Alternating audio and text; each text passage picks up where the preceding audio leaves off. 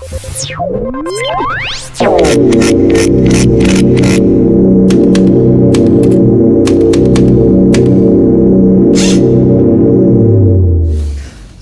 pozdravljeni v posebni izdaji počrto podcasta. Z vami sva Lenart Kučič in Tato Polovec in tokrat za spremembo večja količina gostov. Ker jih ne moramo pokazati, sicer jih boste lahko videli na fotografijah, ne bova predstavljala gostov midva, ampak prosim, da se zelo vsak od vas na kratko predstavi, da tudi pol poslušalci v pogovoru vejo slediti kjermu glasu. Boris Koprivnikar, podpredsednik vlade in ministr za javno upravo Republike Slovenije. Primaš Krašovec, docent na oddelku za sociologijo Filozofske fakultete. Tadej Štrok, član skupnosti Danes je nov dan, inštitut za druga vprašanja. Tako uradno ste vsi začeli. Domen Savič, direktor Zavoda državljanda.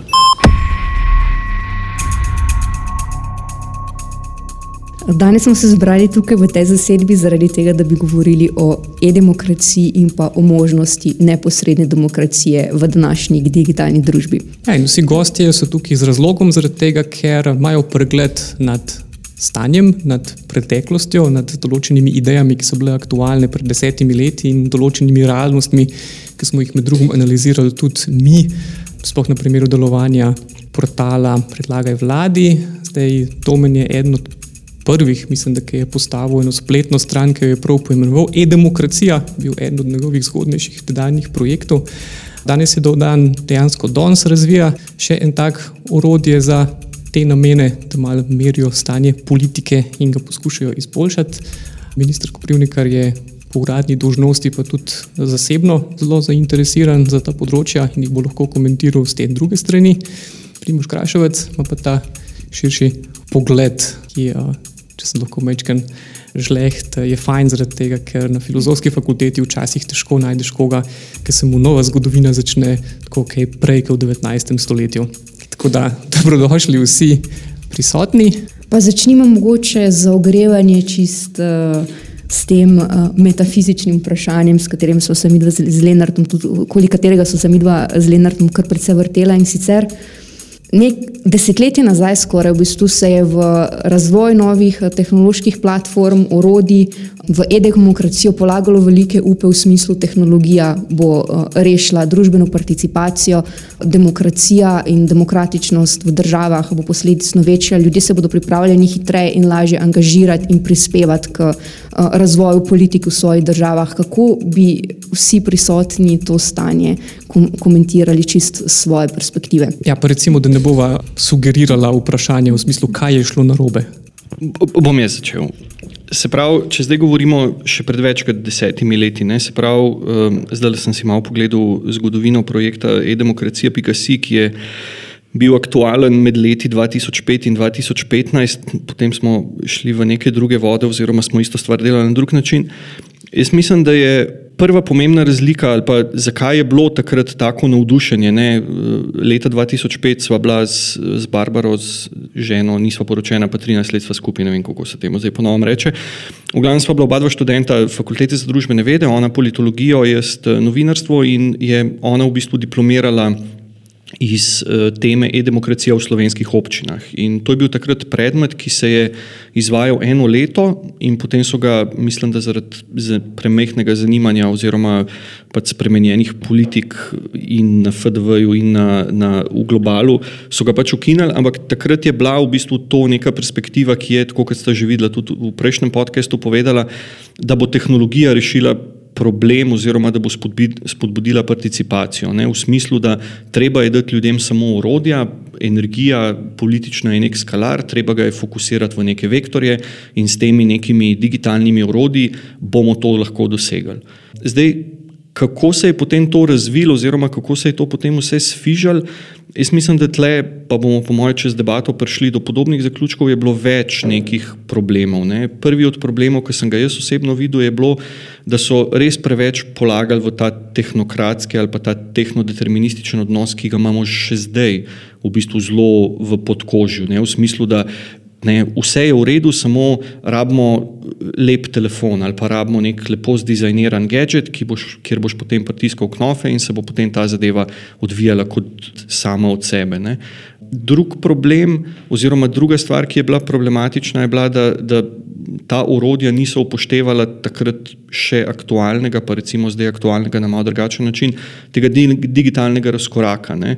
V smislu, da so bile neke generacije, ki so bile malo starejše in so potem, to je recimo na eni od okroglih misijonas tako slavno izjavo, ne? da pač starejše generacije bodo mogle pač odmreti, da tukaj ne gre za nek proces, neka integracija, ampak da ne, nekje bo nek cut-off point in od tam naprej bo šlo digitalno, do tam naprej pa ne, se upravičujemo, ampak drugačne gre. Ne. In, in končno ne, problem ali pa navdušenje nad tem tehnodeterminističnim oziroma nad to tehnologijo se ni v bistvu širil po vseh sektorjih hkrati. Ne. Se pravi, tudi recimo pri, pri predlagaj vladi, ne. mi smo takrat delali v sklopu projekta e-demokracija.si intervju, eh, takrat je bila šefica UKOM-a Veronika Stabej ne. in smo pač videli, da, okay, da cilj je sicer ne, prideti v top 10 držav eh, na lestvici e-demokracije v, v Evropi, ne, ampak da je problem v tem, ker ne, ministrstva bodo vsaka po svoje, UKOM bo sicer poskušal to koordinirati, ampak načeloma bodo ministrstva prepuščena sama sebi in pa ne, v to ne bodo vlagali nobenega oglaševanja oziroma za popularizacijo tega portala ne bo uh, namenjenega nobenega posebnega denarja, zato ker ne, se to je taka fajn zadeva, da se bo sama po sebi širila. Ne. In vse to skupaj je na dost relativno kratek rok pripeljalo do tega, da je pač portal tak, po mojem mnenju, tak, kakršen je, oziroma da, da je pač, da ni uspel postati neko orodje, ki bi ga ne tradicionalno uporabljale vse interesne skupine, pa pač ljudje v skupnosti. To je morda dobro izhodišče za gospoda Koprivnikarja, ker Mislim, da smo se včeraj na eni debati pogovarjali neki. Mislim, da je bila taka anekdota, da so kupovali interaktivne table v slovenske šole. Mi je en znanec, ki je delal kot serviser teh tabel, rekel, da je bila skoraj ena pogostejših servisnih težav, ki so jih morali odpravljati, pač sledi alkoholnega flomastra na tabli. Kar pomeni, eno je, da ti kupiš ali pa uvedeš določeno novo tehnologijo, drugo pa je, da to vpliva tudi na same procese. Kar pomeni, okay, ti lahko kupiš računalnik in narediš portal po tole, ampak s tem verjetno še nisi vplival na same procese. Ali je bil tudi tukaj del problema, da se je ena stvar recimo, prilagajala hitreje kot druga? Se ste sami že deloma odgovorili na to vprašanje. Ne? Tehnologija sama po sebi nikdar ne reši problema. Tehnologija je vedno eno od sredstev, v fazi reševanja problemov. Torej, če vam nekdo da računalnik, ne pomeni, da ga vi znate uporabljati. Če vam nekdo da na voljo portal, ne pomeni, da veš za njega, da ga znaš uporabljati. Predvsem je pa recimo pri tem področju, kot je predlagaj vladi, uh, mislim, da je problem večji v ozadju, ki je čisto netehnološki. Če ti želiš, in verjemite mi, vem iz vlastne izkušnje, ker sem si tudi delo vlade sam pred štirimi leti predstavljal, precej drugače kot sedaj, ko sedim v vladi. Uh, ko eh, to nima nobene povezave s tehnologijo, ko moraš ti uskladiti celo vrsto, desetine popolnoma različnih interesov, vsak, ki pa svoj predlog ima iz svojega vidika, pa popolnoma legitimno smatra, da je to, kar on predlaga, nekaj popolnoma sprejemljivega. Ja, za njega ja, za vse ostale pa morda ne. In to usklajevanje interesov je pa tisto znanje za skupne rešitve, ki jih mora imeti neka eh, povezovalna politika. In uh, težko pričakujemo od uh, državljanov, od podjetnikov, od posameznih interesnih skupin, da imajo ta, to usklajevalni pregled, ki ga mora imeti politika. Zato je politika nepriljubljena, ker praviloma sklepa kompromise, pri katerih od nikogar ne obvelja popolnoma tista, kar je njegova želja. Če malo karikiram, če vprašate podjetnika, bo rekel: ukinite davke, če vprašate sindikate, bo rekel: dvignite davke. Kako naj sedaj enotno davčno stopnjo uredimo? Ne? To je recimo tipičen primer. In kar se tiče tehnologije, mogoče še ta eh, ali pa odziv na, to, na ta portal. Poglejte, predlagaj vladi, stop birokraciji, potem imamo tako imenovani SME test za vpliv zakonodaje na eh, zakone, ki jih sprejemamo na podjetnike, potem imamo resolucijo o normativni dejavnosti, po kateri ja, še daleč smo od idealnega stanja, ampak se izboljšuje, bolj zgodna komunikacija z deležniki. Vse te tehnologije, ampak ključna tehnologija je pa sodelovanje, skupaj bojo postopno izboljševale to participacijo. In jaz sem trdno prepričan, da same digitalne tehnologije participativnega procesa ne bodo rešile, so pa nepogrešljiv del v njegovem izboljšanju. Samo naučiti se jih moramo uporabljati, se poslušati in sodelovati.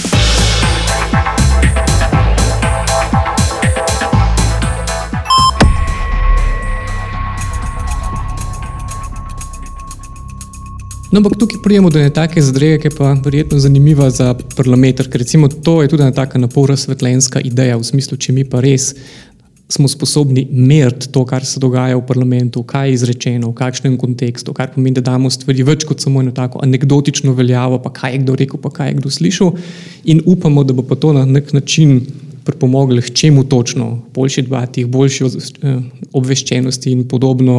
A je to v praksi eno tako, še zmeraj preveč idealistično gledanje, recimo tudi vi, ki se s tem ukvarjate s parlamentom, ali dejansko lahko rečete, da je to boljše poznavanje dela državnega zbora in seveda pa tudi politike zmožno kaj izboljšati ali pa spremeniti v tem svetu politike, kakršen je.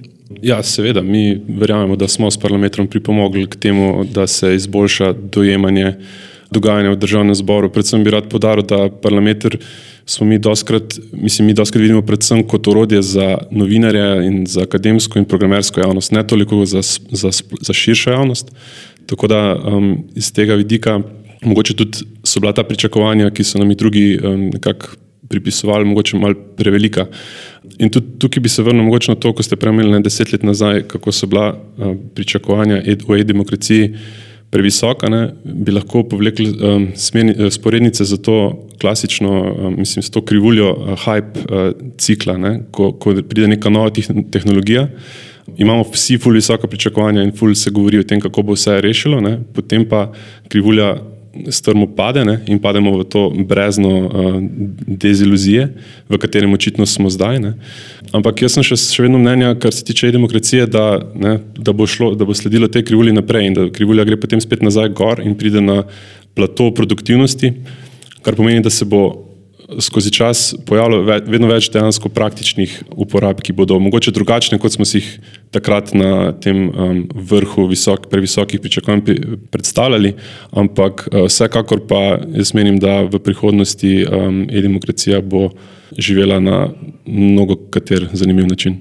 Če smem samo nekaj dopolniti tukaj zdravo, ker pogledajte, parlamentar je eden od tipičnih orodij, ki kaže ogledalo aktivnosti politike.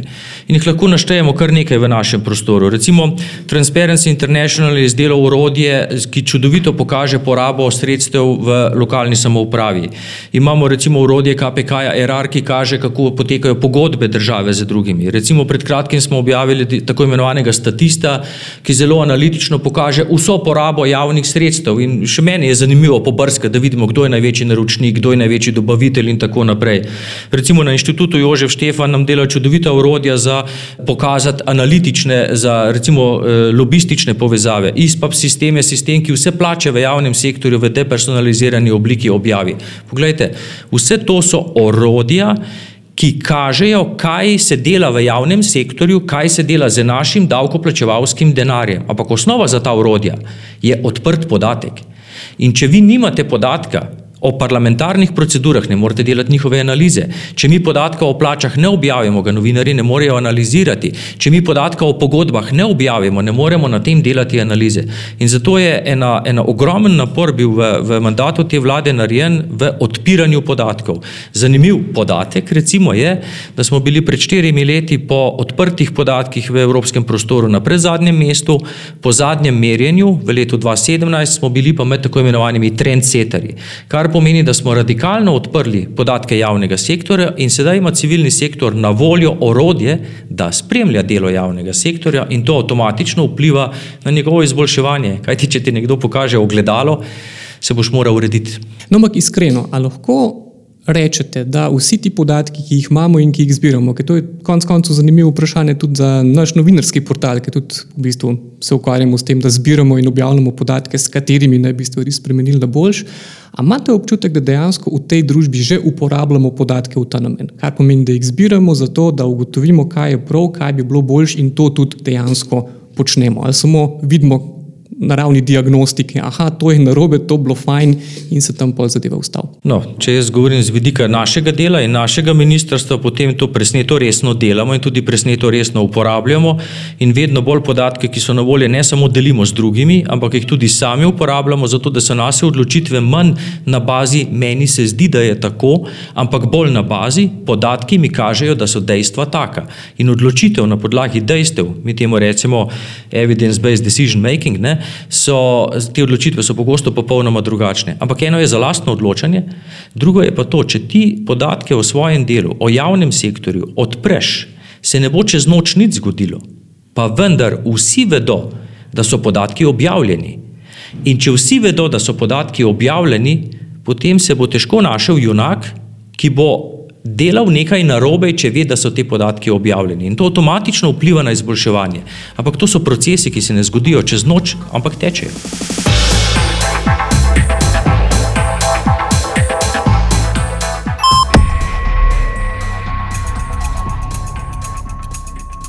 Profesor Kraševec, če damo to mečken v kontekst, tudi en tak širši, recimo ta ideja, rečemo, skoraj razsvetljenska, ima taka svoje ciklična nihanja. Pač pridemo do ene take stopne, kjer računamo, da bojo pa zdaj podatki, pa znanje, pa argumenti po tole vodili družbo. Pol pademo in to, ker vidimo, da pa čist recimo čustva in podobne stvari vodijo družbo.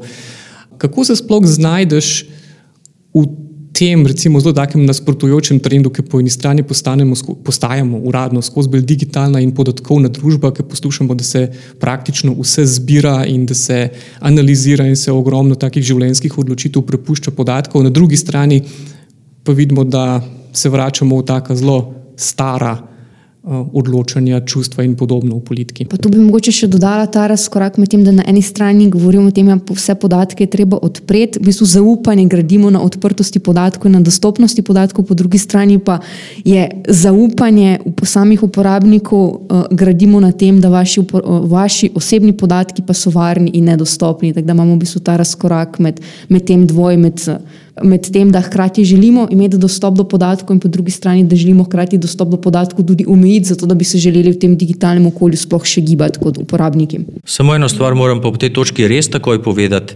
Nikdar nikomor na kraj pameti ne pride, da bi odpiral in javno objavljal osebne podatke.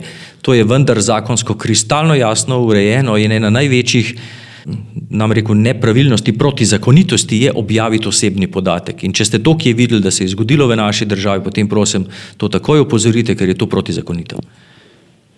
Jaz bom v celoti izkoristil ta, ta mandat širokosti, tako da bi začel z odgovorom na to vprašanje, kaj je čustvi in razumom v politiki, mogoče zelo daleč nazaj v zgodovini ali pa ne toliko um, srednje uh, daleč in sicer z samo razliko recimo med evropskimi monarhijami, zgodovinsko razliko med evropskimi monarhijami in začetnimi demokracijami. Se pravi, kaj, kaj se zgodi na tej točki, ker mislim, da je to pomembno za razumevanje, kako deluje množična in tudi individualna čustva v politiki. In sicer recimo na najbolj osnovni ravni je razlika med monarhijo in saj prvimi začetnimi demokracijami ta, da monarhije že imajo vse, recimo ali pa saj prototipe današnjih institucij, recimo te velike dinastične monarhije, kot so Habsburška, Španska in uh, tako naprej, že poznajo delitev vlade. Na ministrstvo, se pravi, imajo vlado, kabinet, svetovalce in na mesto predsednika vlade sicer kralja oziroma uh, cesarja, ampak osnovna institucionalna delitev je ta, ključna razlika je to, da, da se dinastije uh, rekrutirajo po sorodstvu ali pa po milosti vladarja, in da tista dinastija, katera vlada, je interna stvar aristokracije, se pravi, katera točno dinastična družina vlada zaseda te institucije, položaje, sodne, politične, eh, vojaške in tako naprej. Zdaj, eh, ključna razlika pri demokraciji je ne ta da ljudstvo kakorkoli neposredno vlada ali pa politično upravlja, ampak da izbira, katera izmed dinastij, ki se jim zdaj reče stranke in ki se ne rekrutira več sorodstveno, ampak po drugih, recimo profesionalnih, meritokratskih, kakršnih koli že merilih, zdaj tekmujejo recimo na trgu, če tako rečemo, javnega mnenja. Recimo. Ampak jaz bi dodal mogoče še bolj javnega sentimenta ali pa javnega občutka, javne atmosfere, ne le mnenja ali pa različnih jezikovno izraženih, artikuliranih razumskih dejavnikov, kar pomeni, da velika komplikacija, ki se zgodi ali pa povečanje kompleksnosti politike na prehodu iz monarhičnih sistemov v demokratične je to, da je treba ne samo računati, ampak najti načine, kako upravljati, predvsem z množičnimi, eh, z množičnimi čustvi, občutki, eh, z atmosfero, sentimentom množic, kar tudi prej ni bilo popolnoma nepomembno ker recimo tudi za, čeprav ni bilo svobodnih volitev, tudi za recimo kralja ali pa cesarja ni nepomembno, recimo, če so množice zelo jezne in ogorčene, ker to lahko pripelje do revolucije ali pa ustaje, ali pa recimo, če so mlačne, lahko fušajo pri davkih ali pa se izogibajo vojaški službi ali pa svojim drugim obveznostim do uh, vladarja, medtem, ker če so navdušene, lahko recimo dajo še presežne davke, uh, se še bolj recimo srčno uh, borijo in tako naprej, ampak v demokraciji pa to postane elementarnega pomena, recimo vse čas držati uh, pozornost, priljubljenost in tako naprej, predvsem na čustveni ravni. In mislim, da se to z recimo uporabo velikih baz podatkov, recimo tudi z odločitvami na podatki, mislim, da se to ne spremeni. Še vedno je ključna intuicija profesionalnih politikov, ki jo morajo razviti, ki jo morajo kultivirati, če želijo biti uspešni kot politiki, ravno tako znati za znati opazovati, spremljati čustveno atmosfero med ljudstvom ali pa med množicami, kot jo znati tudi manipulirati. Pa to mislim neutralno, ne, ne, vsaka, vsaka komunikacija je manipulacija. Recimo tudi, ko nekomu izrečemo kompliment ali pa damo rožo ali pa kako ga grdo pogledamo, tudi to je manipulacija. Mislim, mislim to neutralno, ne grdi politika politiki manipulirajo z ljudmi, ampak manipulirati v nekem tehničnem smislu, se pravi, recimo obrniti negativne trende, negativno razpoloženje in tako naprej, zato da zmagajo na volitvah, zato da uh, držijo, držijo svojo priljubljenost. In mislim, da to, ta osnovni mehanizem se ne spremeni, recimo tudi, ko se uporablja podatke, znanost, računalnike in tako naprej, se kvečemo še dodatno zakomplicira ali pa postane uh, še bolj kompleksen, hkrati pa še ni popolnoma raziskan. Jaz mislim, da Mogoče je največja težava ali pa največji spregled ali pa največji neizkoriščen potencial, recimo e-demokracija, ki bi temeljila na zelo zmogljivih računalnikih, komunikacijskih uh, napravah, velikih bazah uh, podatkov, je ravno tega, da to čustvo množic ne obravnavajo znanstveno, ampak jih obravnavajo kot iracionalen moteč dejavnik. Se pravi, postavljajo čustva pa razum v opozicijo, kot da bi se čustva dal eliminirati za uporabo matematike, namesto da bi se uporabljala matematika, algoritmi in tako naprej, za, za mogoče bolj, kako bi rekel, transparentno manipuliranje z množičnimi čusti, spet to mislim, čist neutralno. Domen Savič bi tukaj očitno želel dati repliko. Mogoče sam niti ne repliko, ampak da se navežem oziroma na to, kar smo se na začetku pogovarjali. Ne. Problem e-demokracije, ne, pa pustimo zdaj to delitev e-demokracije, da imaš na začetku ne, nek dostop do, do podatkov oziroma tega, da so podatki odprti javni, do tega, da potem je druga faza, da politika izvaja prek spleta, to je ta zdaj recimo, da temu klasična napolpiflarska definicija. V drugi fazi imaš v bistvu prek spleta oziroma s temi spletnimi urodji izvajaš neke konzultacije oziroma neke javne razprave in potem v končnem temu vrhu vrha delaš v bistvu prek spleta oziroma prek interneta elektronske oziroma internetne volitve. Ne. In vsaka od teh faz ima neko, neka svoja pravila, neke svoje pobude. V, v preteklosti smo imeli v Sloveniji in ene in druge. Zanimivo je, da so zdaj odprti podatki, ne, da smo se v tej, če rečemo, zlati dobi e-demokracije, tam od, od recimo 2-5 do 2, mogoče 8-9, ne smo se veliko bolj pogovarjali o, o volitvah oziroma o teh nekih. Um, že kar vrhovih, zelo malo se je pa, ali pa relativno malo se je pa pogovarjalo o odprtih podatkih, bazah eh, in temu, ne, pa je zdaj to prišlo nazaj. Ampak ključen problem je ravno to, ne, da se ta tehnodeterminističen vidik nekako vzame, kot je uh, predhodnik rekel, v obzir ali pa upoštevne, da je to vse na podlagi racija, ne, da je politika racionalna, ne, da, da so to vse mašine, ki se pogovarjajo z mašinami in tam sta samo dve stani, ena in nič. Ne, in, in v bistvu se je zanemaril v bistvu cel ta tako kot zdaj vidimo, recimo ne, s Cambridge Analytico in z ostalimi, ne, emocionalni del oziroma del, ki ga, ki ga ti s podatki bom rekel, zelo težko tangiraš, oziroma ga, ga v bistvu detektiraš tam, kjer ni podatkov. Ne, se pravi, da ga v bistvu narišeš, narišeš z neko negativno rizmo, in da se je v bistvu vse to, kar se je do zdaj dogajalo, v smislu, da dvignili bomo participacijo, ker bodo imeli ljudje več možnosti glasovanja, več možnosti klikanja, ker ne bo samo, da bo šel na volišče, ampak boš lahko doma ne volitve iz naslanjača, to je bila ta priljubljena eh, fraza, da bo to v bistvu, da bo to nekako vplivalo na to, da se bodo pa ljudje ne odločali lažje ali pa bolj enostavno ali pa mogoče celo hitreje. No, ampak kar sem se hotel prej navezati in jih tebe vprašati, to vprašanje. Recimo tukaj, komu je to zares namenjeno? Tu sem se stavil sprašvala, ali je bil tak projekt, kot je portal vladi, dejansko namenjen temu, da ti kot državljan nekaj spremeniš na ravni delovanja države, ali je bil bolj namenjen temu, da država pravzaprav analizira želje, sentimente, ideje in jih potem uporablja. Je to, to danes izpada bolj top-down ali bolj bottom-up vse skupaj? Po besedah pač avtorjev in imaš na MMC-ju članek, eh, kjer v bistvu razlagajo to, je, da pač v smislu Slovenija je izgubila dve, tri, štiri, pet mest na lestvici e-participacije, eh, ugotavljamo, da državljani nimajo dovolj kanalov za participacijo v odločevalskih oziroma političnih procesih in bomo zato eh, vzpostavili predlagam program vladi.si, kjer bo možno TTRTT. Se pravi, da, da je to v bistvu, da je mogoče že tle, pa pol ne veš, če so bili iskreni ali je, ali je bil to nek, ne, tako kot ti rečeš, brenčavka oziroma nek prodajni nagovor. Ampak ne, v Sloveniji participacija, jaz dvomim, da je, da je problem tega, da ti da so fizične razdalje problem, oziroma da je problem neka, neka materialna prepreka. Ne? ne rečem, da bi tam živel v nekem Gorskem Karabahu, pa bi mogel, pa vreme, ne? pa bi mogel tri dni tam po puščavi hoditi do doline ali pa nekaj tasga. Ne?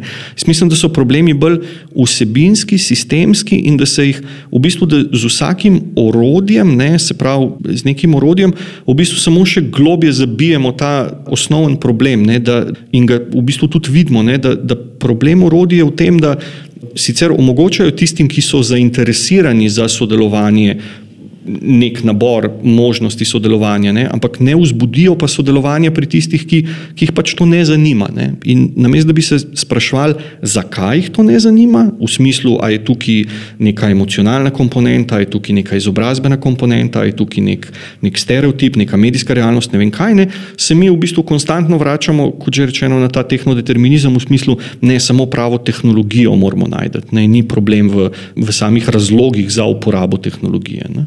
Tukaj je še ena zadeva, na katero smo nekako skušali že na začetku v bistvu napeljati ta pogovor, pa ga zelo čisto konkretno obrnemo v to smer. Uh, in sicer na eni strani imamo uporabnika, ki mu omogočimo dostop do neke tehnologije, kjer lahko participira. Zdaj v primeru uh, predlagam vladi Pikasi, ki ga tukaj uporabljamo kot primer, gre za to, da lahko uporabnik pride in direktno vladi poda nek predlog, ki pride potem v uradno obravnavo, takrat, ko dovolj ostalih uporabnikov participira, tako da glasuje za njega. In potem uh, je dejansko institucija, institucija, ki je odgovorna za obravnavo tega predloga, v bistvu ne bi v nekem določenem času na ta predlog odgovorila. Zdaj, ker smo mi ugotovili z našo analizo, ki smo objavili na počrtu.si, so tu v bistvu nas Naslednje rečemo, torej na strani same države omejitve, ki nekako nižajo zaupanje v sploh uporabo tega samega orodja. Prvo je to, da je pač s um, realiziranih oziroma upoštevanih predlogov, ki so bili podani v vseh teh letih delovanja, je torej manj kot procent. To je ena stvar. Druga stvar je, da potem med temi realiziranimi oziroma upoštevanimi predlogi večino takih, ki se samega portala uh, tiče torej delovanja samih procesov znotraj njega. Tretja stvar pa je tudi, da v bistvu tudi te predlogi, ki so upoštevani, se na, na nek način, če gremo dalje analizirati, kdaj časovno so bili podani ali pa česa se dotika, v bistvu ugotovimo, da so v dosti primerih postopki že tekli, da so v bistvu sam predlog, ki je bil podan strani uporabnikov, navezuje na nek drug zakonodajni postopek, ki je že v teku ali pa na neko drugo spremembo, ki se že dogaja in zaradi tega v bistvu pride do realizacije predloga. Za vprašanje tukaj je pravzaprav to, pa če lahko kar to naslovim na vas, gospod Koprivnikar. Ali imamo v bistvu diskrepanco med tem, kaj naj bi to orodje omogočilo, ki je na nek način omogočanje neposredne demokracije v smislu, da lahko naenkrat uporabnik sam z podporo samo parih glasov spravi v uradni postopek nek predlog, česar sicer, sicer ne more narediti in tega, kako lahko institucije same, ki imajo tudi neko politiko, letne plane, ki, po katerih morajo delovati, nekaj procesov, ki so že teku, naenkrat v bistvu uleti notri nek predlog, ki ga mora obravnavati, nikamor pa nikamor ne spada in mogoče na njega sploh v bistvu ne more odreagirati na način, kot bi bilo potrebno. Torej, ta diskrepanca med tem, kaj omogoča samo digitalno urodje in pa kaj je v bistvu ta, rečemo temu, zelo analogni proces delovanja same javne uprave in pa države na drugi strani, ki naj bi na to pobudo odgovarjal. Poskušal odgovoriti na to vprašanje, pa se malo naveza tudi na prejšnje razprave. Prvič, digitalno orodje v procesu sprejemanja pravnega reda, v katerem živimo, je popolnoma postranska zadeva. To je pač še ena od tehnik. Vi lahko napišete pismo in ga pošljete organu, ali pa greste na portal Predlagaj vladi in oddate svoj glas. To je, to je način participacije. In na način, če dovolite, bom pojasnil do konca. In meni je bolj pomembno kot to, kako se nek predlog odda. In če ti nekdo recimo odda predlog, kot so recimo primeri predlogov eh, iz predlagaj vladi, da se v zakoni poligamija, da se ne vem, eh, pasje lajež opredeli kot kaznivo dejanje in podobno. To so predlogi, ki so politično nesprejemljivi. Do njih se pač organ opredeli in ga zavrže. Ampak bil je dan predlog in gre v statistiko kot nerealiziran predlog. Ja, seveda je bil nerealiziran, ampak je bil popolnoma nesprejemljiv, v nasprotju z ustavo, z našim pravnim redom in je bil zavržen. Ampak Po drugi strani je bilo pa samo iz tega, recimo okrog 7000, preko 7000 oddanih predlogov, jih je bilo čez 2000 oddanih organom, tisoč preko tisoč so jih zavrnili, ostalih tisoč je bilo pa ali obravnavanih, ali sprejetih, ali so se, kot ste sami rekli, že izvajali. Skratka, od 7000 predlogov se je s tisočimi nekaj zgodilo. Ampak meni je bolj pomembno zato, da smo uvedli še nadaljni proces, to je to, na, na kar ste upozarjali, da predlogi, ki pridejo iz različnih virov, od predlagaj vladi, stop birokraciji, pisno po mailu. Eh, jaz dnevno dobivam predloge in jih vse posredujem v našo službo, če se mi zdijo seveda smiselni, da se potem uvede proces implementacije. In v tem procesu, mi mu rečemo enotna zbirka ukrepov za izboljšanje zakonodajnega okolja, smo pa od predlogov, ki so bili sprejeti, ja, to pa je smiselno, smo imeli pa 64-odstotno realizacijo. Ampak do predloga se je treba najprej opredeliti. Če ti nekdo predlaga, da boš recimo uzakonil, da se sestrelijo letala, ki puščajo sledove, tak predlog se zavrže. Ne moramo reči zaradi tega, da je portal nedelujoč. Ne? In še mogoče ta komentar glede eh, tehnike in neposredne demokracije. Lejte, samo ena država na svetu ima e-volitve. Samo ena, reče se ji Estonija. In še v tej državi, v najbolj ugodnem, eh, v najbolj ugodnem izidu, manj kot 30% ljudi voli elektronsko, ostali volijo pa peš.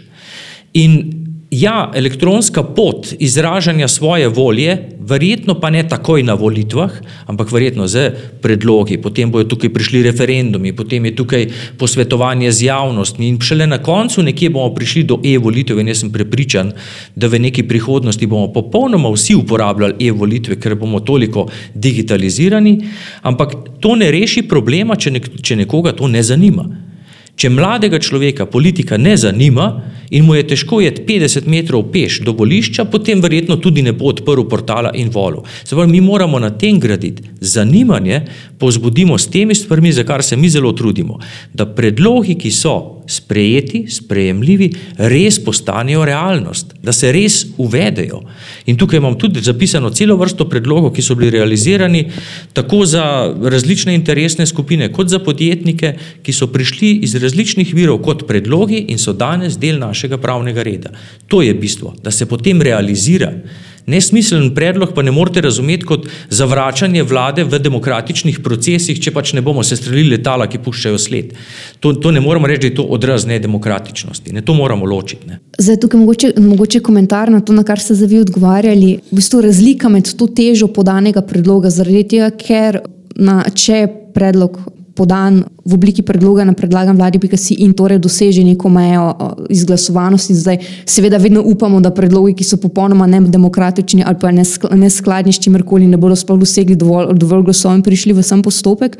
Torej, dejansko je organ, ki mu je predlog namenjen v določenem času, dolžen odgovoriti na njega, ali ga označiti za primernega ali neprimernega, ali ga pa v bistvu spraviti v implementacijo. Ampak med drugim je naša analiza pokazala ravno to, da organi v bistvu takrat, ko predlog naj bi obravnavali in podali nek odgovor, tega mnogokrat ne naredijo. In ko smo govorili z samimi upravljalci portala, so oni povedali, da njihov predlog, njihov, njihov problem tukaj je dejansko to, da državne institucije ne jemljajo teh predlogov, ki so podani na predlagan vladi, dovolj resno in jih ne obravnavajo v zakonsko določenem roku. Zato, naprimer, če gremo pogledati, ugotovimo, da obstaja še kup predlogov, ki so šli uh, v sam postopek, kjer bi moral organ odgovoriti, na katere tudi po letih, naprimer, še ni odgovora. Upravljavci portala so organom predali v mnenje 2780 predlogov in organi so se odzvali 2616 krat. Se pravi, od 2780 predlogov, ki jih je upravljalec portala poslal organom v mnenje, so se organi odzvali z 2616 mnenji. To je, na pamet rečeno, 98% odziv. Se pravi, na predloge, ki jih je upravljalec portala ocenil kot smiselne, imamo odziv 98%, torej vaša trditev popolnoma napačna. Odzivi organov so bili izjemno visoki, ampak ja, od 7000 predlogov jih je bilo samo 2700 ocenjenih kot smiselnih, in od tega jih je bilo 1600 zavrnjenih, 1000 jih je šlo pa v nadaljne postopke. Ampak nesmiseln predlog, vi ne morete ne, ne, se govori, mi, govorimo govorim, samo, mi govorimo samo o smiselnih predlogih, torej teh, ki so šli v postopek. Od... O tem sem vam pa povedal konkretne številke. Ja, kljub temu pač obstajajo predlogi, ki že več let stojijo pri nekem organu, na katerem ni bilo odziva, kljub temu, da je organ dolžen podati odgovor. Popolnoma verjamem, ampak statistika kaže še vedno, da so praviloma organi praviloma v povprečju in sigurno je kje kakšen predlog obležal pri kakšnem organu, ampak če bova govorila, da je gotovo kje kakšen predlog, jaz sem pa zelo vesel podatka, kater predlog pri katerem organu. Jaz sem pač navajen tako funkcionirati, takrat bom dvignil telefon, napišel pismo, prosil ministra, da odreagira na ta predlog in se bo situacija izboljšala. To je edini način.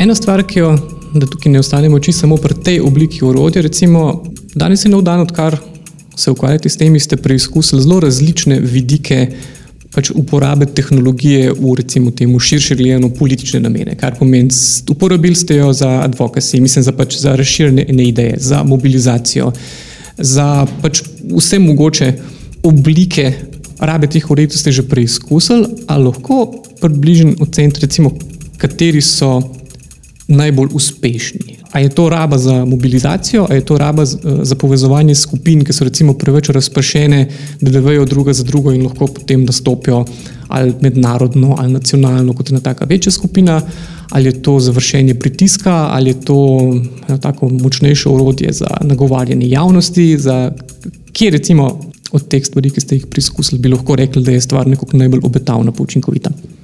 Um, ja, kar se tiče urodij za um, vršenje pritiska, smo v bistvu opazili, da, tista, da klasične peticije mogoče niso tako učinkovite, seveda morajo imeti full medijske podpore, ampak dobre odzive smo imeli predvsem pri takih akcijah, ki, ki so bile, kjer je bil pritisk zelo usmerjen na um, kakšnega specifi, specifično osebo, specifičnega funkcionarja. To se nam je doskrat izkazalo kot zelo učinkovito, kadar v bistvu mobiliziraš množice, da, da nekako pritisnejo na, na točno specifično osebo. Kar se tiče pa drugih orodij, recimo orodje, orodja podobna kot so ta predlagan vladi PKC, ki, ki se mi zdi, da bi mogoče dost boljš oziroma dost bolj delujejo na neki lokalni ravni. Ne. Ta, ta, to na državni ravni je dosti bolj kompleksna, ne, kot, kot je prej gospod minister povedal, pač dosti je neumnih predlogov in, in tako naprej. Ampak na lokalni ravni se mi zdi pa, da to vrstna urodja doživljajo nek preporod, oziroma jih je, jih je vedno več in so tudi dosti bolj smiselna, ker so, predvsem, ker so tudi dosti bolj konkretna. Ne. Participatorni proračuni, naprimer, so uh, zelo zanimiv. Koncept, ki ga zdaj tudi mi v bistvu poskušamo malo bolj raziskati, pa tudi V Madridu naprimer, imajo eno uh, dosti dobro platformo za participatorni proračun, kjer v bistvu se mesto zaveže, da bo določeno količino uh, proračuna uh, namenila pač predlogom javnosti, ne, ki so zbrana na spletu. Ne, in, in v bistvu potem ni te, tega dvoma, da nek predlog mogoče ne bo izbran, zato ker so se zavezali, da tisti predlog, tisti predlogi, ki bodo najbolj izglasovani, bodo realizirani. Ne. In ta stvar zelo dobro funkcionira, oni imajo tudi v bistvu to um, odprto kodno uh, rešitev, ki jo ponujajo tudi drugim mestom in tudi, uh, kot sem bral odzive, pač zelo uspešno deluje, tako da mi bomo verjetno v prihodnosti poskusili kaj tasga implementirati na kakšno od uh, slovenskih občin. Potem, če se navežem še pa na druge oblike orodij, so nam pa zanimive v zadnjem času predvsem tista orodja, ki podarjajo iskanje konsenza v smislu ne, da se samo glasuje in da so samo neke gole številke, ampak da skozi neke inovativne pristope, uporabniške izkušnje, iščejo dejansko tisto, kar je ljudem skupno. Ne? Se pravi, da ni da, da imaš neke neskončne forume, neskončne debate, pa samo klikanje uh, upvote, downvote, ampak uh, orodje kot je naprimer Polis je v Tajvanu uh, zelo uspešno že parkrat uh, delovalo v real, real političnih situacijah. Deluje tako, da, da išče predvsem konsens. Tako da zanima nas vidimo demokracijo kot onkraj glasovanj, postopek, mislim, proces, ki je onkraj samo golega glasovanja, ampak vključuje uporabnike tudi na neke druge načine. Kako se vam pa obnese recimo ta bolj izobraževalna vloga, kot je naprimer razlaganje procesov? Recimo tudi s tem ste se v preteklosti precej ukvarjali, da ste uporabljali pač vse mogoče oblika, vključno z igrami za pojasnjevanje določenih problemov, vse od baterijske reje konc koncev do, do tega. A, a se to obnese, je to nekaj tajega, kar bi se, mislim, če malo karikiram, a bi se dali tudi recimo na Ministrstvo za javno upravo na različno tako igrco, vem, da recimo gospoda Koprivnika redko vodiš po kabinetih, pa, pa, pa ugotavljaš, na kakšen način dela. Ja, vsekakor. Mislim, igrifikacija je zgolj ena od metod, ni vedno primerna, ampak je pa um, učinkovita. Je pa že dovolj tudi samo, če se poskrbi za neko dobro uporabniško izkušnjo. Ne? Naprimer, portal predlagam vladi.si je zelo okoren, ne? pač mislim, zelo je tako tehnokratsko zastavljen, ni zares uporabniku prijazen in z neko prenovo bi se dal izboljšati mogoče tudi um, doprinos uh, uporabnikov. Ne? Tako da mi, mi v naših akcijah smo dost fokusirani na neko to uporabniško izkušnjo, na neke vizualizacije, pač dost nas prihaja iz tega nekega oglaševalskega ozadja, ne? kjer pač smo se naučili skozi neke oglaševalske kampanje produkte prodajati, ne? zdaj pa v bistvu poskušamo to logiko prenesti na neke te procese do demokracije, pa transparentnosti, pa odprti podatkov, da, da jih poskušamo predstaviti na nek tak način, ki je lažje razumljiv, ker to so pač kompleksne teme in pač če jih predstaviš skozi igro ali pa skozi neko zanimivo um, šalo ali um, neko potegavščino, uh, lahko v bistvu dosežeš dosti boljši učinek, pri, da, da si uporabnik to zapomni in da uporabnik to razume. Ne. Če se smem samo mečkaj navezati na to, kar je bilo rečeno. Recimo, participatorni proračun je v zadnjih spremembah zakona o lokalni samoupravi zapisan v zakon. Zdaj, kako se ga katera občina loti, s kakšno tehnologijo, je to njeno vprašanje, ampak smo ga prepoznali tudi v zakonodaji. Na državnem nivoju se popolnoma strinjam, je meni pomembno, da se zbirajo predlogi, ki pogosto so težko izvedljivi. Še bolj pomembno mi je pa, da je celoten zakonodajni proces res odprt. Zato obvezne objave, zato moramo zakone sedaj meriti po tako imenovanem SME testu, ko ne reče pripravljalec zakona, da zakon nima finančnih posledic. Ne, izračunajo se, ne moreš jih skriti. In to je zelo pomembno. Se pravi, da je priprava zakonodaje izjemno transparentna, da je to vse obvezno in objavljeno. In to, kar ste prej omenili, glede eh, priljudnosti in uporabnosti eh, portalov, to, to je, ne morem povdariti, kako zelo pomembno je. Te kolegi moji vejo, da vsak dan inkripijem s temi zadevami. Uvedli smo celo posebno podporno, kako bi rekel, mini enoto, ki rečemo inovativen PKC, ki uči državne organe, kako na drugačen način reševati probleme. In eno od teh je recimo gamifikacija. Lego Play, reševanje poslovnega problema, razumevanje eh, recimo popolnoma drugačnih pristopov, ki se izkažejo, da so pri kompleksnih problemih, kot je pisanje zakonodaje, kajti to je izjemno kompleksen problem, so te gamifikacije izjemno učinkovite. In sem še to, če dovolite, recimo portal e-uprava, ta zadnji, ki smo ga prenavljali, je že mečkano bolj bi rekel, priljuden, zdaj uvajamo bote, ki nas bojo vodili, personalizacijo portala eh, in kar je zelo pomembno, tudi celotno eh, strukturo spletnih portalov, ki jih je okrog 270 javnega sektorja oziroma državne uprave, postopno prevajamo na tako imenovani go.si, ki ne bo temeljil na organizaciji vlade, kar je za državljana popolnoma irrelevantno, ampak bo temeljil na življenjskih situacijah. To pa mene kot državljana zanima. Kaj moram vedeti, ko gre otrok v vrtec, ne pa katero ministrstvo je pristojno za kateri transfer. In to bo spet korak bližje državljanom. No, v to smer iščemo rešitve in jih tudi izvajamo. Ja, ja, vsekakor to je super pristop. Sej, se strinjam, da je bilo dosta uh, narejenega. Um, v zadnjem mandatu in pač pravi, da se tako dela naprej. Bi pa sem še podaril to, da odprtost podatkov, dokler so podatki samo odprti in so še vedno samo gora podatkov, niso zares uporabni. Ne? Tako pač primer, kar smo poskusili narediti s parlamentom, je res, da ti podatki so obstajali že prej, ampak v totalno neberljivi obliki. Ne? Tako da ta aspekt moramo, moramo biti pozorni tudi na ta aspekt berljivosti in uporabnosti odprtih podatkov. No, pa, mogoče, če gremo spet nazaj na to e-demokracijo, oziroma na predlagam vladi, ne, mi smo v sklopu projekta e-demokracija.si v bistvu pol leta prej, da je štartov portal predlagam vladi, se pravi, v februarju 2009 smo naredili en pač čist neodvisno in pilotski projekt, ki, ga, ki smo ga poimenovali Vprašaj s klicajem. In tam smo v bistvu uporabili neko orodje, ki je bilo takrat zelo popularno, zaradi tega, ker ga je Obama uporabljal v takratni predvolilni kampanji, Google Moderator. In je v bistvu temeljil na tem, da ljudje objavljajo vprašanja in potem sami glasujejo za to, kje vprašanja so pomembna in kje ne. Skratka, če rečeš temu kopija, predlagaj vladi. In potem smo na koncu, v bistvu mesec dni smo pobirali vprašanja, potem smo šli pa s kamero do ministra oziroma do ministrice, ki je potem odgovoril na top, ne vem, 5-10 vprašanj.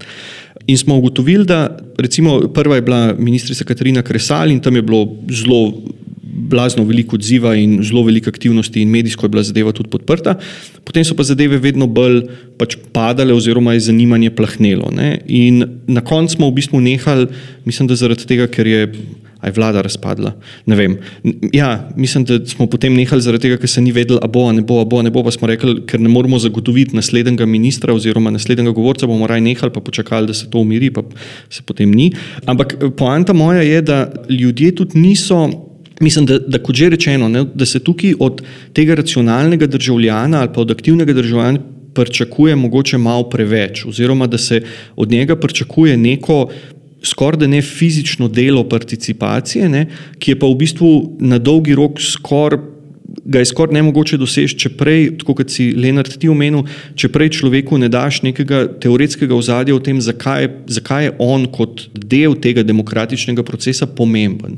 Ne? In če vse skupaj odvajaš na neko, eh, na neko digitalno komponento, kjer se pa vsi obnašamo malo nenormalno na internetu, ne? in se potem pričakuje, da se prek te digitalne komponente pa človek obnaša na isti način kot recimo v uradu oziroma v javnosti. Ne? Se mi zdi, da rabimo še en tak kulturni premik no, ali pa spremembo čist kulture na, na neki bazični osnovi, da bomo kot državljani oziroma kot ne, te eh, komponente nekega demokratičnega sistema, dojeli, kako je ta zadeva zastavljena in na kakšen način jo uporabljati. Ne. To, da se pa do zdaj s tem tehnodeterminističnim pristopom ne reče, tehnologija je neutralna, ne treba je samo uporabljati.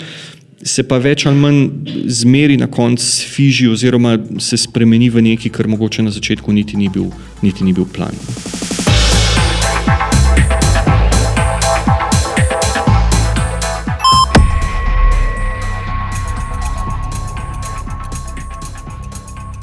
Profesor Gašec, je to slučajno povezano tudi s tem vprašanjem družbene moči? Recimo, to je nekaj, kar jaz v večini teh tehnoloških debat pogrešam. Recimo, tudi, ko pridemo ne samo s politike, ampak tudi na medije. Recimo, to je bilo včasih tako, da po eni strani si imel tiste momente, jaz se odkar lahko pa ljudje pišejo bloge, pa pa kar naenkrat recimo to, kar je na nacionalnih poročilih, nima več toliko teže, ker če ti kaj ne paše, pač napišeš svoj blog ali pa pereš od nekoga drugega, pa vemo, da to pač ni čist ista, recimo, municija ali pa ali pa podobno, medtem ko se pa dogaja en drugačen obrat, kjer pa kar naenkrat pa dejansko ti raznorazni blogi in družabna omrežja diktirajo to, kako se obnašajo v veliki. Recimo, kako vi vidite ta razmerje med top-down, bottom-up, kje se neko, nekje zdaj to postavlja?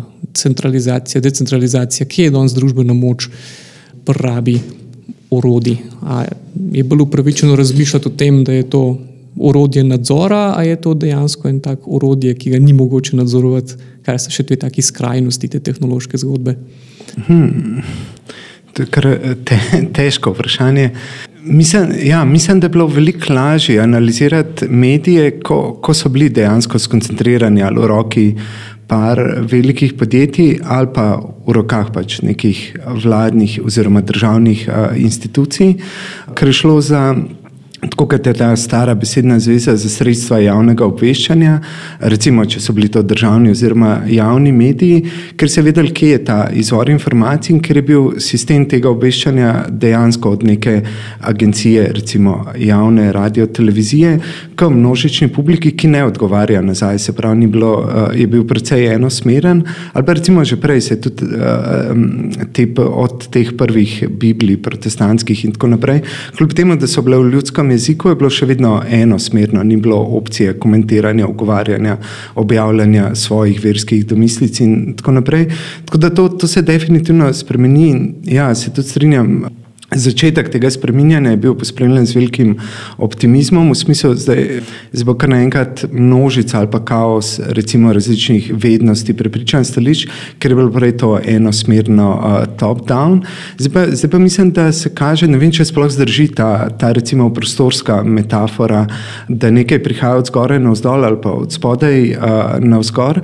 Mislim, mislim, da se kaže bolj problem, da sicer koncentracije družbene moči ostajajo, malo improviziram, ne vem kako bo to izpadlo, da koncentracije družbene moči obstajajo, ampak da niso več centralizirane v določenih institucijah, skupinah, organizacijah, tudi ne podjetjih, razen če gre za recimo finančno moč.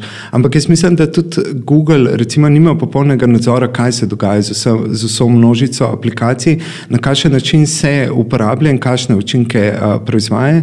In mislim tudi, da, da recimo uh, Facebook Facebook ob vseh uh, problemih, ki so se zdaj pokazali, uh, recimo ob vseh, kako bi rekel, etično, politično spornih praksah, mislim, da tudi to ni bil zlobni načrt v glavi Zuckerberga od začetka, se pravi, da, da se stvari dogajajo, mogoče tudi onkraj intencij in uh, namenov ljudi, ki jih financirajo, razvijajo, imajo počasih lahko zelo močno, včasih tudi zelo škodljive, problematične, problematične učinke.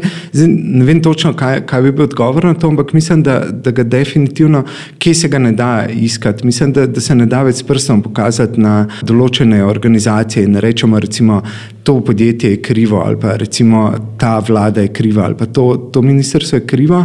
Mislim, da se dogaja nekaj precej sicer urejene, ampak za kako bi rekel, na starih modelih politike trenirano percepcijo nerazumljive koncentracije, pa izbruhi recimo družbenega vpliva, družbene moči, na, recimo na področju medijev, medijskega, medijskega vpliva.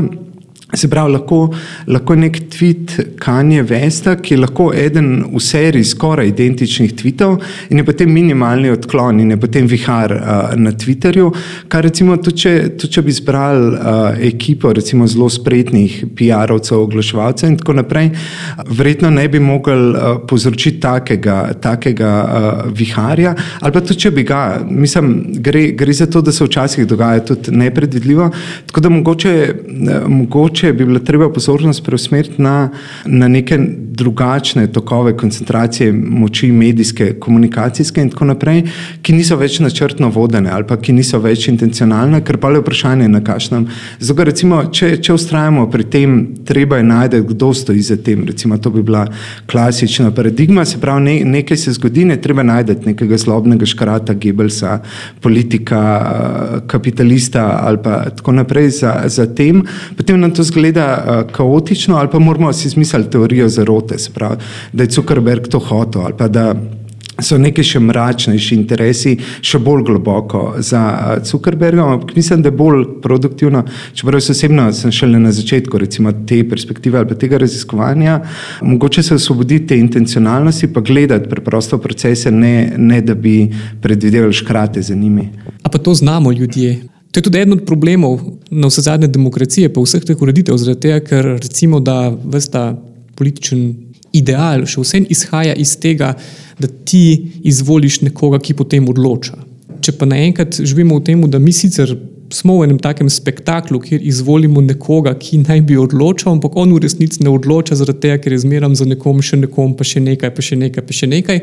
A ni recimo to ena taka stvar, ki sama po sebi na eni strani spodkopava idejo demokracije in na drugi strani skoraj nagovarjeno to našo notranjo željo po nekomu, ki bo pa spet prišel in postavil red. Ja, mogoče. Jaz mislim, da je to mogoče ključni problem za demokracijo, je to, kako, kako razvoj recimo strojnega učenja, umetne inteligence in tako naprej, ti novejši procesi spodkopavajo samo zdravo razumsko idejo svobodne volje ali pa racionalnega posameznika, tako na ravni vlade kot na ravni državljanov. Meni men je bila prej zanimiva ministrova pripomba, da zdaj podatki pravzaprav vodijo politiko, se pravi, ali pa politika je osnovana na, osnovana na podatkih, kar pomeni, da, da ni junaka, ki bi šel proti dokazom ali pa podatkom, se pravi, to, to ravno ni več odločitev, ki bi prihajala od znotraj, ampak prihaja od nekje druge. Se pravi, kako bi jaz rekel, mogoče nek tak obrat, podobno kot Marks, ko piše, da delavec postane privesek stroja, mogoče tudi politiki postanejo privesek recimo teh računskih strojev ali pa podatkovno obdelovalnih strojev, pa tega spet ne mislim negativno v smislu, ojo, ljudje so zdaj sužni, mogoče je zaradi tega politika učinkovitejša, hitrejša, kot če bi zaupali ali pa mogoče se z te perspektive zdi, ali pa se bo zdelo barbarsko obdobje človeštva, ko se je prepuščalo odločitve dejansko odločanju posameznikov, se pravi tistemu ubogemu naboru informacij, ki jih lahko zberejo in obdelajo človeški možgani, posamezni človeški možgani. Jaz sem to so stari Grki pač imeli orakel. Bi se vseeno odzval na to. Jaz nisem rekel, da podatki vodijo politiko, ampak da moramo politike zagotavljati podatke, zato da se bo odločala manj, če se tako izrazim, na pamet, ampak bolj, bolj na podlagi konkretnih podatkov. Ampak samo en, en moj pogled na to, socialne medije in vpliv na to. Mogoče mečkeno drugačen, ampak sem vedno bolj trdno prepričan v njega. Poglejte, če pogledate desetletja nazaj, ko ni bilo nobenih socialnih omrežij, nobenih digitalnih komunikacij, kaj se ni vse to pojavljalo? Da so nekatera mnenja razburkala duhove, da so ljudje verjeli v nekaj, kar se je izkazalo za popolnoma nesprejemljivo, da so celi narodi šli za neko idejo, ker je nekdo zagovarjal tako zadevo. To nima veze s tehnologijo. Tehnologija nima pri tem popolnoma nobenega vpliva. Je pa res, da s sodobnimi eh, digitalnimi tehnologijami je samo hitrost širjenja teh informacij neizmerno hitra. Ampak moramo ločiti nekaj. Če nekdo na Facebooku napiše nekaj, kar ni res, je isto, kot če jaz nekomu na cesti rečem laž. Ampak to je moj osebni problem. To ni kontroliran prostor. Problem je, če mediji ki, ker Facebook ni medij za obveščanje, Facebook je medij za komunikacijo med ljudmi. Problem pa je, če elektronski mediji objavljajo nekaj, kar ni res, kar je fake news, ampak ali papirnati mediji tega ne delamo. Ne delajo tega. Poglejte, vzamete danes časopis o včerajšnjem dogodku, dva drugačna časopisa o istem dogodku imata popolnoma različno stališče. To nima veze z elektronskimi mediji, pač nekdo oblikuje stališče. To je druga zadeva, ki mi črpamo svoje informacije, kje se informiramo. Kajte na Facebooku spremljamo, kaj se po svetu dogaja in kaj ljudje delajo. Ljudje pa delajo vse sorte, od neumnosti, govorijo resnico, govorijo laži in tega Facebook ne more regulirati. Mi ljudje pričakujemo, da nekaj, kar je online, da bo nekdo skrbel za resničnost. Ni to javni prostor. V javnosti ljudje delajo vse sorte. In še zadnje je pa. Kaj so pa mediji, ki morajo biti preverjeni, verodostojni? To so pa javni viri podatkov. To je pa tista zadnja inštanca, kjer pa moramo zagotoviti ljudem kredibilnost, jasnost in verodostojnost podatkov, ker jim zaupamo, ker nekdo za njim stoji. Ampak, če je nekaj na socialnem omrežju, je to nekaj, kar je nekdo napisal. Mi ne moramo reči, da zdaj socialna omrežja nekdo, kot ste rekli, z skrivnostno globoko teorijo zarote oblikuje. Jih pa številni zelo spletno uporabljajo. In zdaj je samo vprašanje, kako mi kot uporabniki teh socialnih omrežij to razumemo. Kar tam piše, je pač nekdo napisal, to ni država regulirala. To ni regulirano, to je pač napisano, to je svoboden prostor.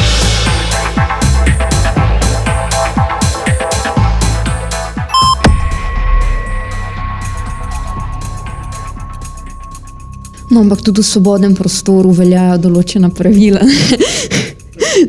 jaz mislim, da verjetno se strinjate s tem, da to, kar jaz rečem ne vem, nekomu izmed vas zasebno ob kavi, ima neke povsem druge posledice, kot če jaz to napišem na mojem javnem Facebook, mojem Facebook profilu, označim kot javno in to zaradi nekega nepojasnjenega delovanja algoritmov tega, koliko ljudi je to videlo, lajkalo in delilo s svojimi prijatelji, to izjavo vidi potem 150 tisoč ljudi. Pač. Ampak, če ste jo vi napisali, to je vaša izjava in vi za njo odgovarjate. in nihče drug.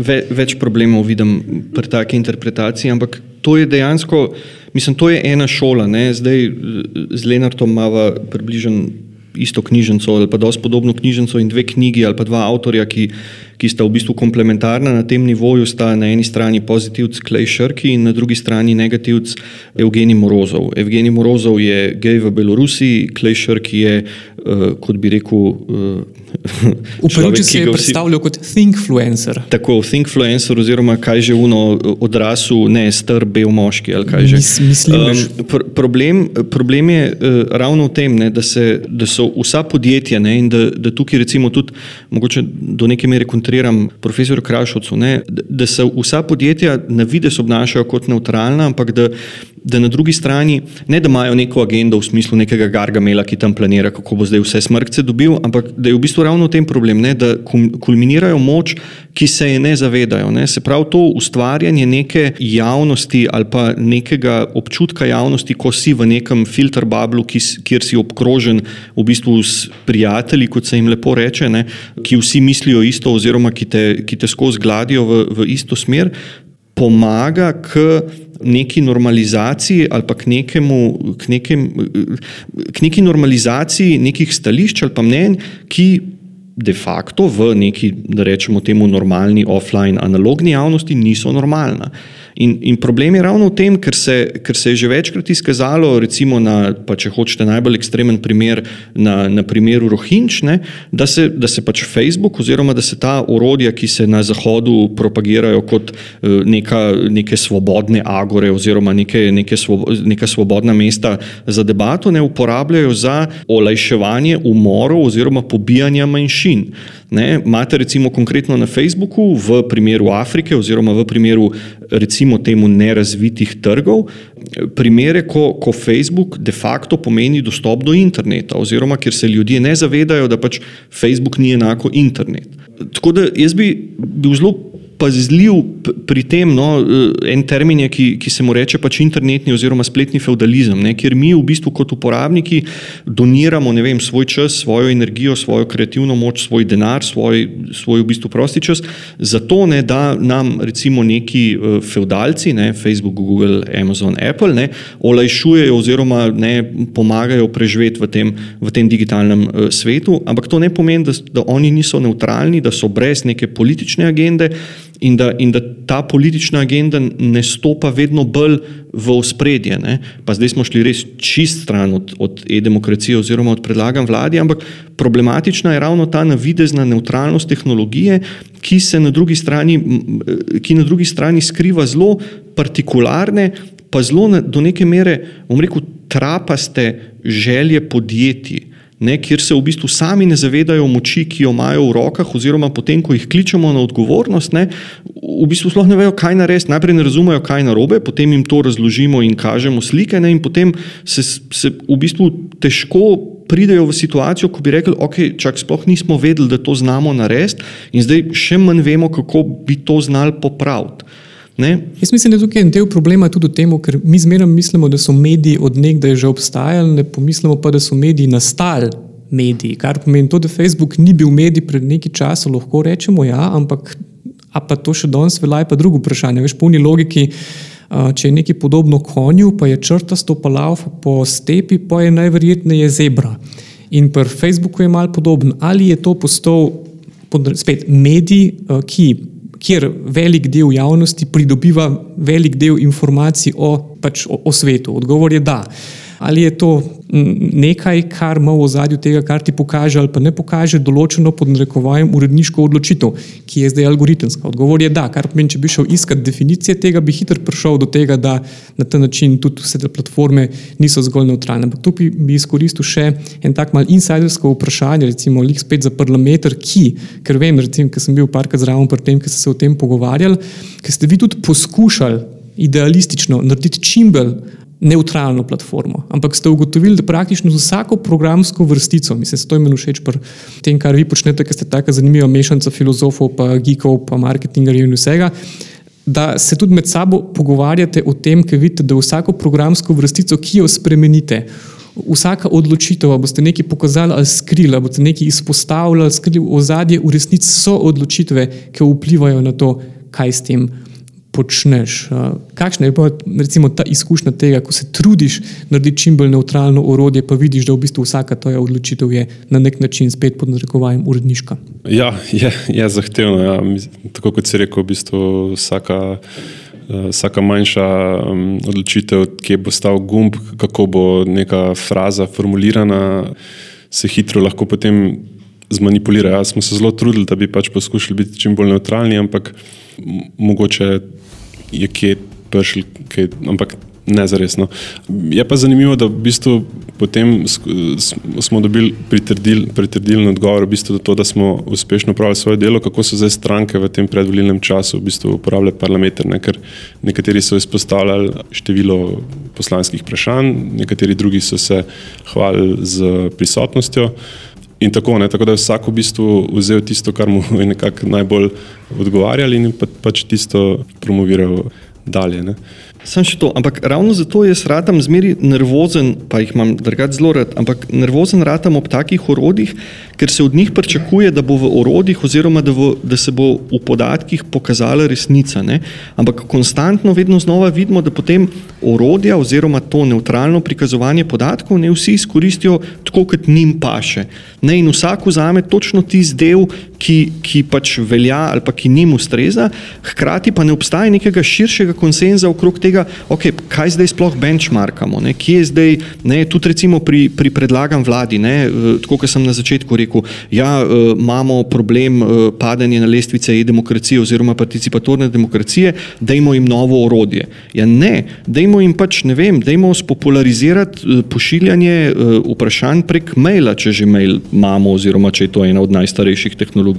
Ali pa dajmo na drugi strani vzeti neko kampanjo, in iti uh, do, do ljudi ali pa ne vem, organizirati konzultacije in potem po konzultacijah narediti neko, neko, uh, neko analizo tega, Ne, ok, na podlagi konzultacij smo naredili to, pa to, eh, evo vam rezultate. Ne. Ker problem ne, in spet ta tehnodeterminizem je pa v tem, ne, da se na koncu vse zreducira na to, a imamo mi zdaj nek nov gadget, kupili smo nek nov iPhone ne, in to je pa zdaj pa res čist neki drugega, kot vsa ostala urodja in s tem bomo pa res prišli do nekega kvalitativno boljšega modela ali pa kvalitativno boljše razprave. Ne. In potem zmeri znova ugotavljamo, ni res, a ja moramo počakati na naslednjo verzijo in na naslednjo in na naslednjo. In na naslednjo.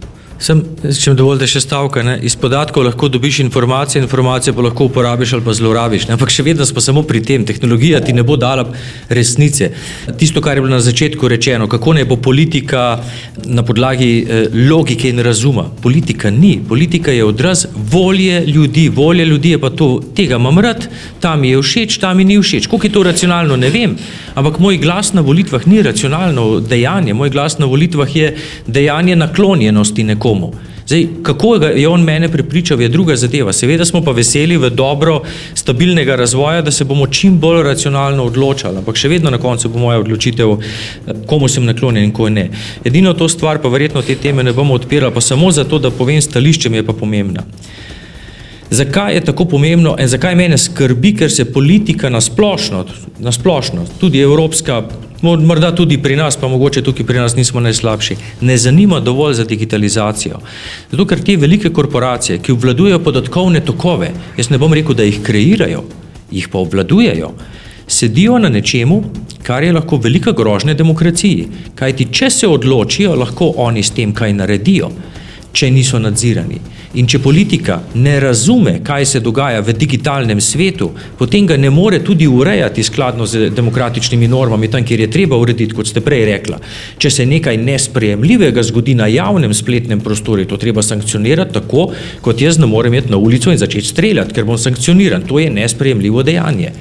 Ampak če politika teh digitalnih tokov res ne razume, če ne razume, na čem korporacije sedijo, potem bodo korporacije postopno, postopno, čisto potiho začele uveljavljati uporabljati to možnost, ki jim je dana s tem, ko sedijo na ogromni količini podatkov in obvladujejo ogromne komunikacijske tokove. To pa je nevarnost, ki mislim, da mora tudi politika razumeti, da je zelo realna in prekleto resna. Bomo končali na tak eh, zelo dramatičen način ali bi kdo rad dodal še kakšno pozitivno noto? Uh, jaz se vam vsem najlepše zahvaljujem za prisotnost in uh, pa vključ, vključenost v, v to zelo široko zastavljeno debato o racionalnih sistemih in emocionalnih uporabnikih. Debato smo vodila Lenart Kučič in Tato Polec po črto. Hvala, da ste bili z nami.